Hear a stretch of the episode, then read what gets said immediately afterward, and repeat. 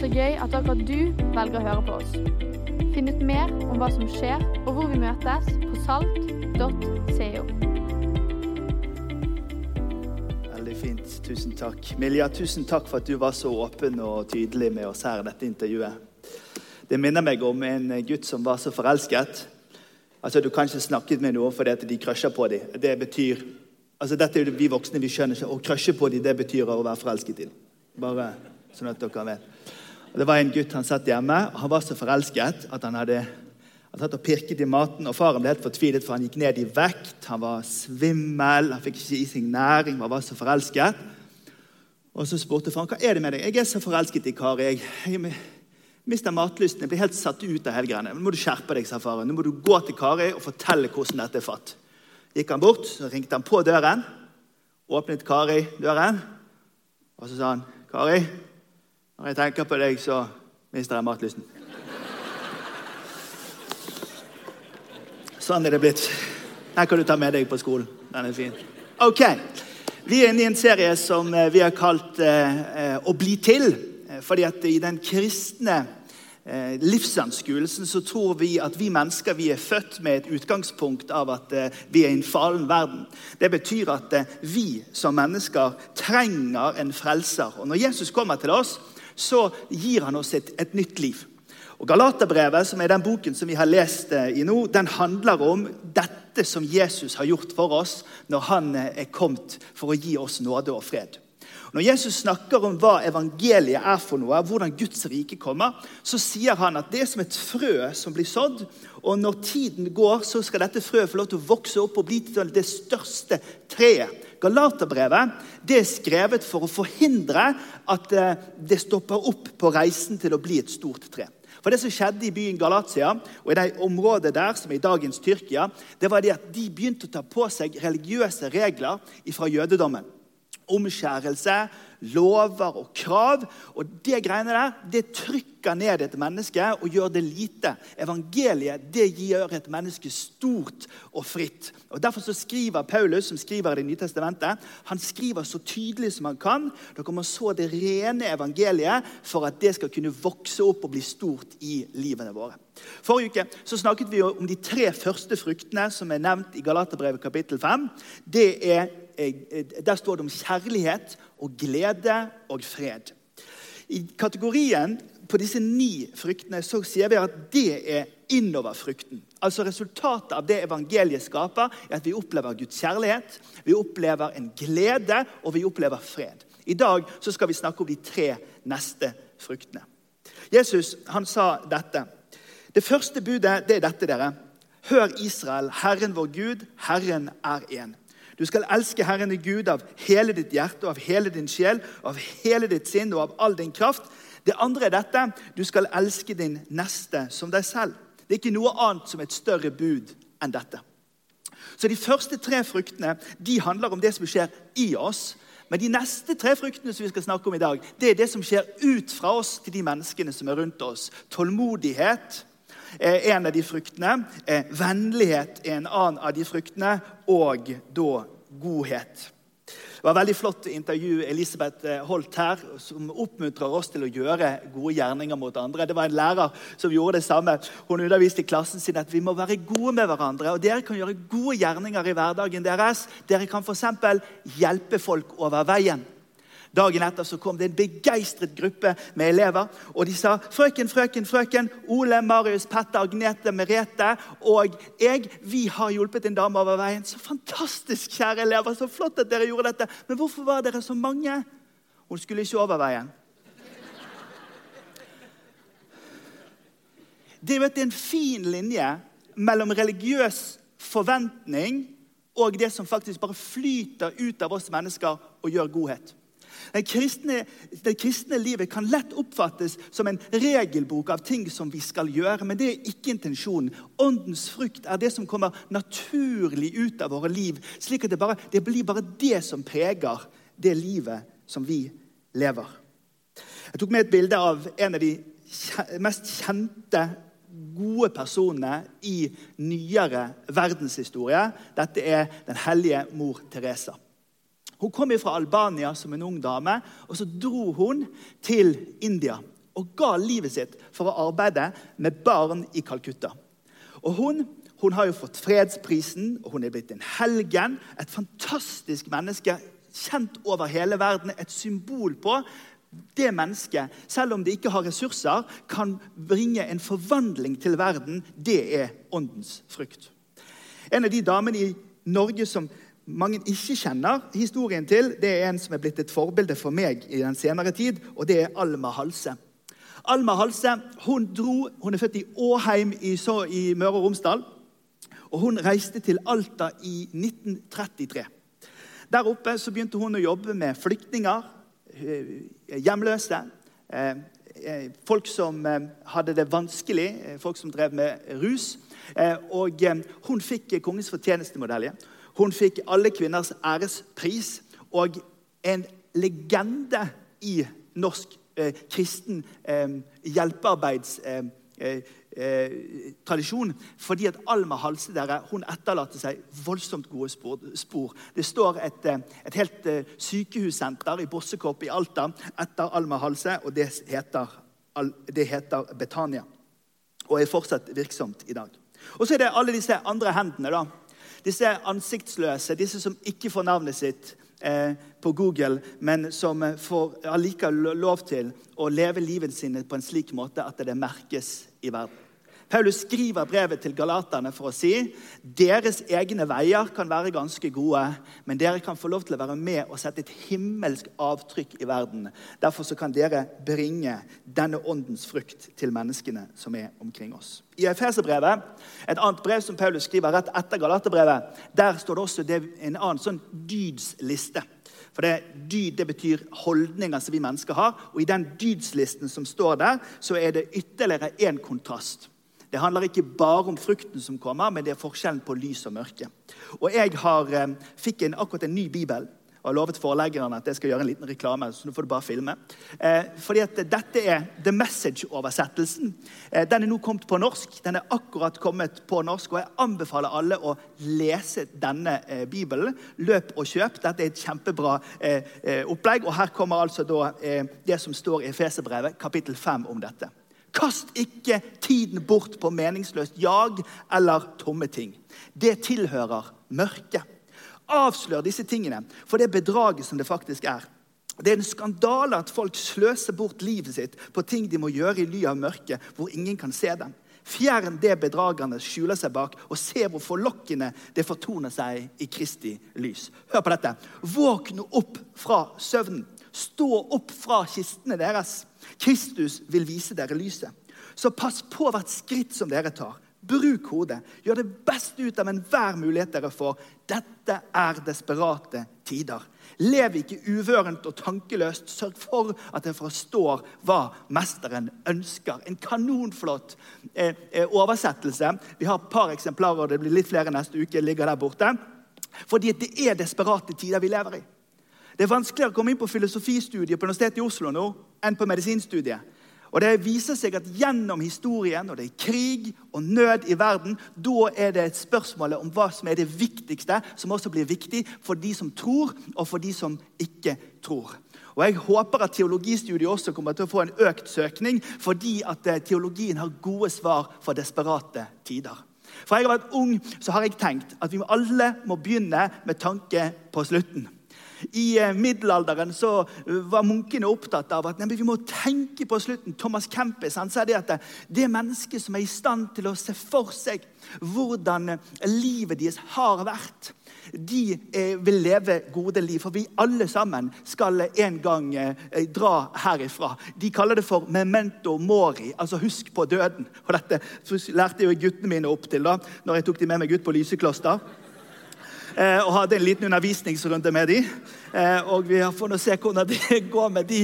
Men vi alle sammen kan høre Efeserbrevets oppmuntring. Klatre ut av kistene. Tenk på det livet vi har. La Guds godhet, la tålmodighet og la eh, eh, vennlighet prege livene våre. Er dere med på den?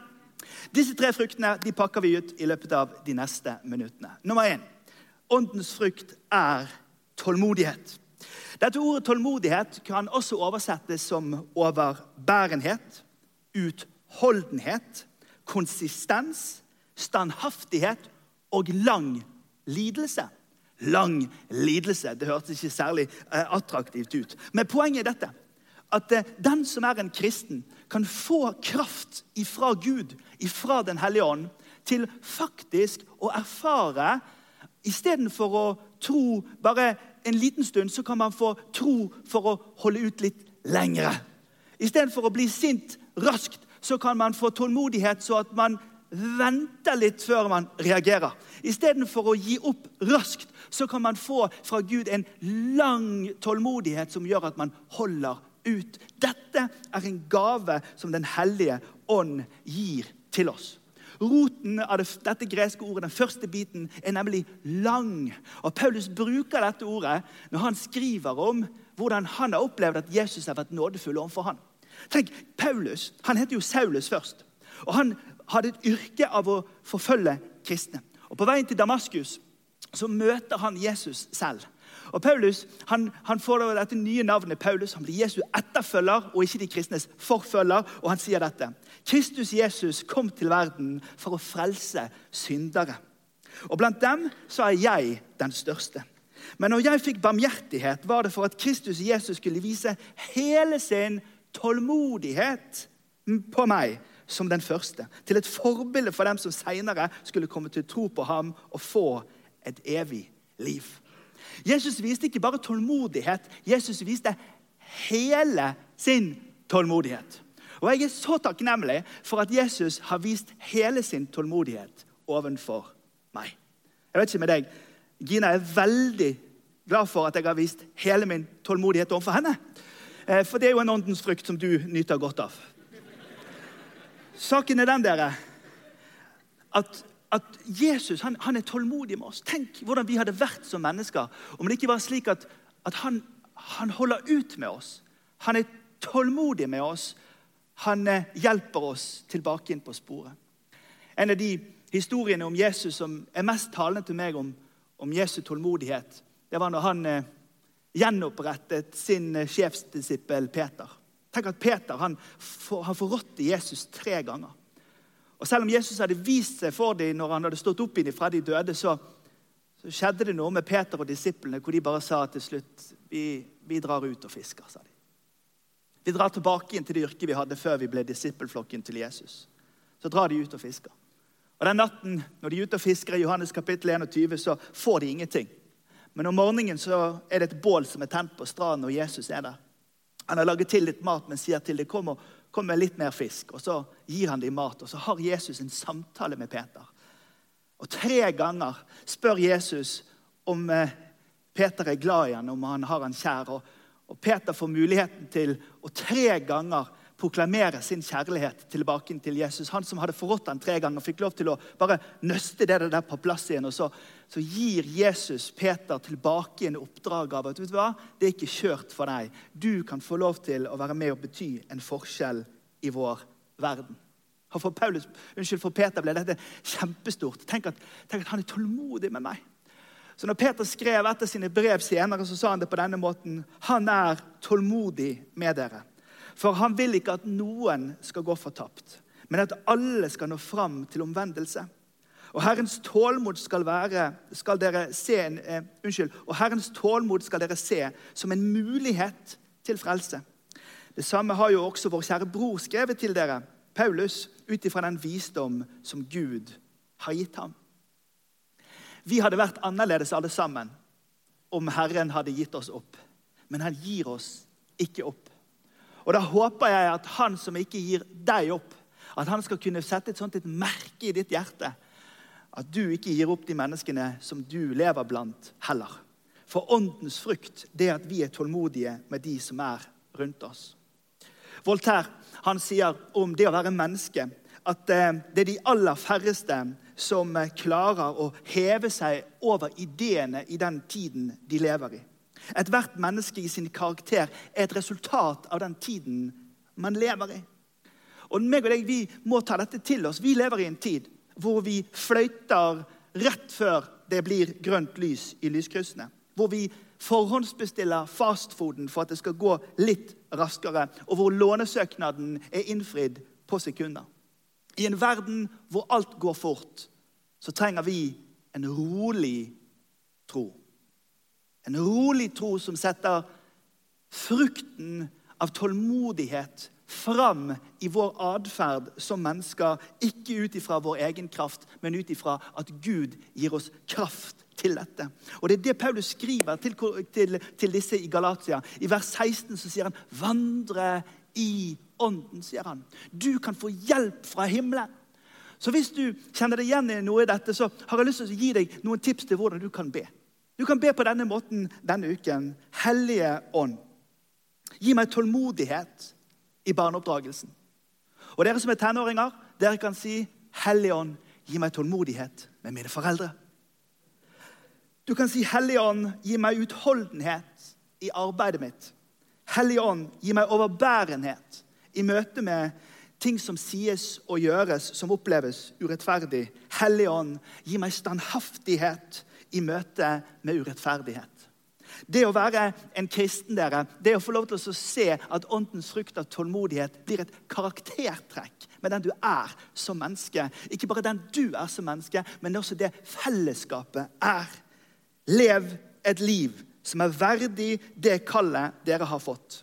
I mildhet og ydmykhet og storsinn, så dere bærer over med hverandre i kjærlighet. Vi har fått en kraft fra himmelen til å leve et liv i tålmodighet. Vi har fått åndens frukt av vennlighet. Det var en artist som eh, klaget til sin kristne venn fordi eh, han opplevde seg diskriminert. Han sier dere kristne har jo spesielle helligdager som jul og påske. Muslimene de har fastetid og id. Vi ateister vi har ingen anerkjente helligdager og derfor ingen feriedager. Det er diskriminerende og veldig urettferdig. Den kristne vennen sa da til han kanskje 1. april kunne hjulpet dere som helligdag. Du vet, det er, jo, det er jo kult å ta igjen noen ganger. Men det blir av og til litt dårlig i det offentlige ordskiftet hvis kristne blir de som blir de sinteste. Når Paulus skriver til kolosserne, så skriver han til dem La alt dere sier, være vennlig. Og la det ha salt, og la det ha kraft. Vi lever i en tid i Norge og i Norden hvor eh, sekularisering er en tiltagende ideologi. Sekularisering betyr mer verden. Det er mindre Gud og mer verden. Men den svenske tenkeren Magnus Malm han påpeker noe veldig viktig i sekulariseringsprosjektet, som vi merker i avisene og på Dagsrevyen hver eneste dag nå. Han sier i et sekulært samfunn utryddes også nåden. Det eneste vi har igjen i møte med menneskers feiltrinn, det er gapestokken og straffen. Og Det virker som om vi ikke kan skru på TV-en engang før vi hører om kvitteringsbunker og masteroppgaver og habilitetsspørsmål om hvem som sa først det eller det andre. Og saken er den, dere, I møte med en sekulær tid så går det an at Guds folk i verden opptrer annerledes. Vær vennlige. Paulus sier det syv ganger i det tekstavsnittet som vi leser i kapittel 5. Det er Ånden som skaper det. Det er Ånden som skaper endringen. Det er ikke du som gjør det. I 1933 når Alma Halse kom til Alta, ville maktens menn der drive henne fra bygda. De sa vi vil ikke ha din hjelp, og vi vil i hvert fall ikke ha dette evangeliet presentert på den måten som du kommer med det på. Om det ikke var de maktens menn, men det var i hvert fall deres posisjoner som alle stilte i hennes begravelse, fordi at hun overvant det onde med det gode. Og Hvis det er én ting du og jeg kan gjøre i en sekulær tid, så er det å sikre at vi overvinner det onde med det gode, selv om vi lever som en minoritet i denne delen av verden. Når eh, det jødiske folket 600 år før Kristus var bortført til Babylon, så var babylonernes idé at de skulle overvinne et folk uten militærmakt. De skulle sette dem på skolebenken, viske ut tradisjonene deres, brenne sangbøkene deres, erstatte deres gudebilde med sitt gudebilde. Og Det var en falsk profet som het Hananya. Han sa det. Dere skal bare være her et par år til, så bare hold dere ute her i, i utkanten av byen, ute i Arna. liksom. Der kan dere sette opp en liten getto. Der kan dere bo. Men ikke flytte inn til byen, for da blir dere påvirket av de andre. Men profeten Jeremia, som var den sanne profeten, han sa noe helt annet. Han sa til dem, han sa, han sa til dem, dere skal fremme fred for den byen som jeg har bortført dere til. Og be for den, for når den byen har fred, ja, så har dere fred. Noen kristne tror at det å trekke seg unna er måten vi skal kunne bevare den kristne troen på i samfunnet. Men Jeremia lærer oss det samme som Jesus lærer oss. Vi skal få lov til å være i, men vi skal få lov til å slippe å være av. Vi skal få lov til å være i arbeidsplassen, i nabolaget, i idretten og i vennegjengen, men vi skal få lov til å være der med smak av en annen verden. Jeremia sier til folket i Babylon det som vi sier til Salt her i Norge. Bo i byen, ikke trekk deg unna. Vær respektfullt annerledes her, men ikke la deg overkjøre av andre verdier i kulturen. Vis en selvoppofrende kjærlighet her. Ikke vær selvisk, men søk fred for byen som du bor i. Hvordan kommer Guds rike? Og så svarer Jesus Guds rike det er som et frø som blir sådd i jorda. Og Når tiden går og det får vokse opp, så blir det det største treet. Større enn noe annet tre i verden. Og Paulus skriver brevet til galaterne i en kamp for at det ikke skal ende opp som et bonsai-tre. At det ikke skal råtne på rot, men at evangeliets renhet skal få lov til å vokse opp og gi frukt i livene våre. Kjærlighet, glede og fred. Tålmodighet, godhet og vennlighet. I Galaterbrevet kapittel 5 så står det at det er mulig for meg og deg å ordne med veien gjennom livet på egen hånd. Det står det i flertall, for det fins mange veier gjennom livet. Men i Galaterbrevet 5 så står det også i entall at det er noe som er åndens frukt. Og dette er viktig. Det er flertallsform på alle veiene du kan velge gjennom livet. Men det fins bare ett utgangspunkt for å få åndens frukt, og det er at det er Gud som skaper det. Ånden skaper det. I den kristne livsanskuelsen, og det, Folk blir litt så fornærma når vi sier det, men, men, dette har jo hele det kristne landskapet sagt her i Norge i 2000 år og 500 år, også i reformasjonen. Og det er også en del av vår tradisjon, som er mer karismatiske. Men mennesket er en synder. Det betyr at mennesket i bunn og grunn ikke er godt her på innsida. Mennesket trenger en frelser. Derfor er det slik at du og jeg vi må forstå at eh, godhet det er noe som har sine røtter i Guds godhet. Selv når Jesus fikk spørsmålet 'Gode mester', så svarte han bare på direkten 'Ingen er god uten én. Det er bare Gud som er god', står det i Markus kapittel 10, vers 18. Så Jesus sier det er bare én som er god, og det er Gud. Salmisten han sier det til oss som en som en profetisk invitasjon. Smak og se at Herren er god. Salig er det mennesket som søker tilflukt hos ham. Og Det som er så fantastisk det er Dere som følger med i denne serien her nå, I forrige uke så nevnte vi det 80 ganger i Paulus sine brev. Så snakker han om at vi kan være i Kristus. Og I dette teologiske ordet om å bli innlemmet i Kristus det å få lov til å komme inn på innsida av kjærlighetsfellesskapet som fins i Gud, det, det er veien til å se åndens frukt vokse i livene våre. Det å bli innlemmet i treenighetens kjærlighetsliv, det er utgangspunktet for at åndens frukt kan få lov til å vokse fram i livene våre. Derfor er det så viktig for oss å si at en liten stund med Jesus, i lovsangen og med Bibelen, sette vår tanke på sporet av Han Bestem oss for hva er det første vi gjør om morgenen. Er det VG og Dagblad, Bergens Tidende og BA, eller tar vi et bibelvers? Og Jeg sitter noen ganger på en flymaskin rundt omkring i verden. Jeg bare bestemmer meg for nå skal jeg først, Selv om jeg sitter her på rad 11C, det er det setet jeg sitter mest på, der, der sitter jeg og så leser jeg bibelboka på iPaden min fordi at jeg vil at det, tanken min skal søke sin tilflukt i Herren. Av hele ditt hjerte og av hele din sjel og med all din kraft søke Herren. For det som skjer når du planter deg der, det er at åndens frukt av godhet også kan gå ut til andre mennesker. Skal vi reise oss opp, og så skal vi be sammen.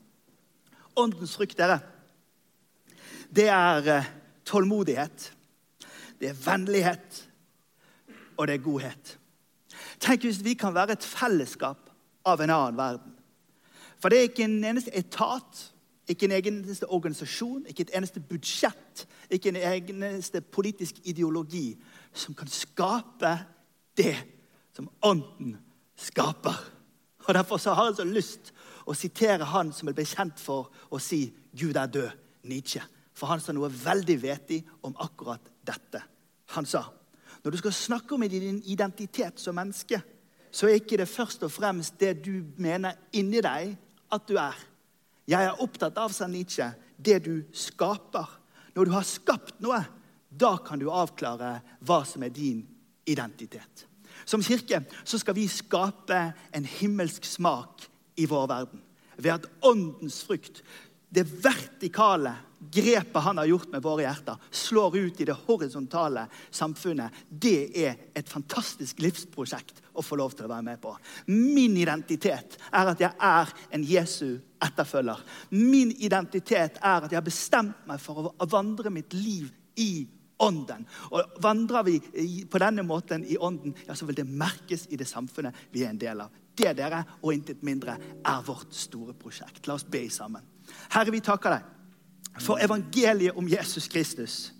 Takk, Herre, for at du kom i menneskeskikkelse til oss synderne, som er så avhengige av å se at vi kan få et nytt liv med deg. Herre, ditt ord lærer oss at det gamle er forbi, noe nytt det kom til. Og På livsreisen vår Herre, så er det så mye vi kan velge i vår egen kraft. Men Herre, i dag formiddag så ber vi til deg om at du skal lære oss å vandre i ånden lære oss å leve våre liv på en slik måte at det merkes at ditt rike bryter frem. Vi ber i Jesu navn. Amen. Takk for at du hørte på. Håper vi snakkes enten her eller i kirken neste søndag. Ha en nydelig uke.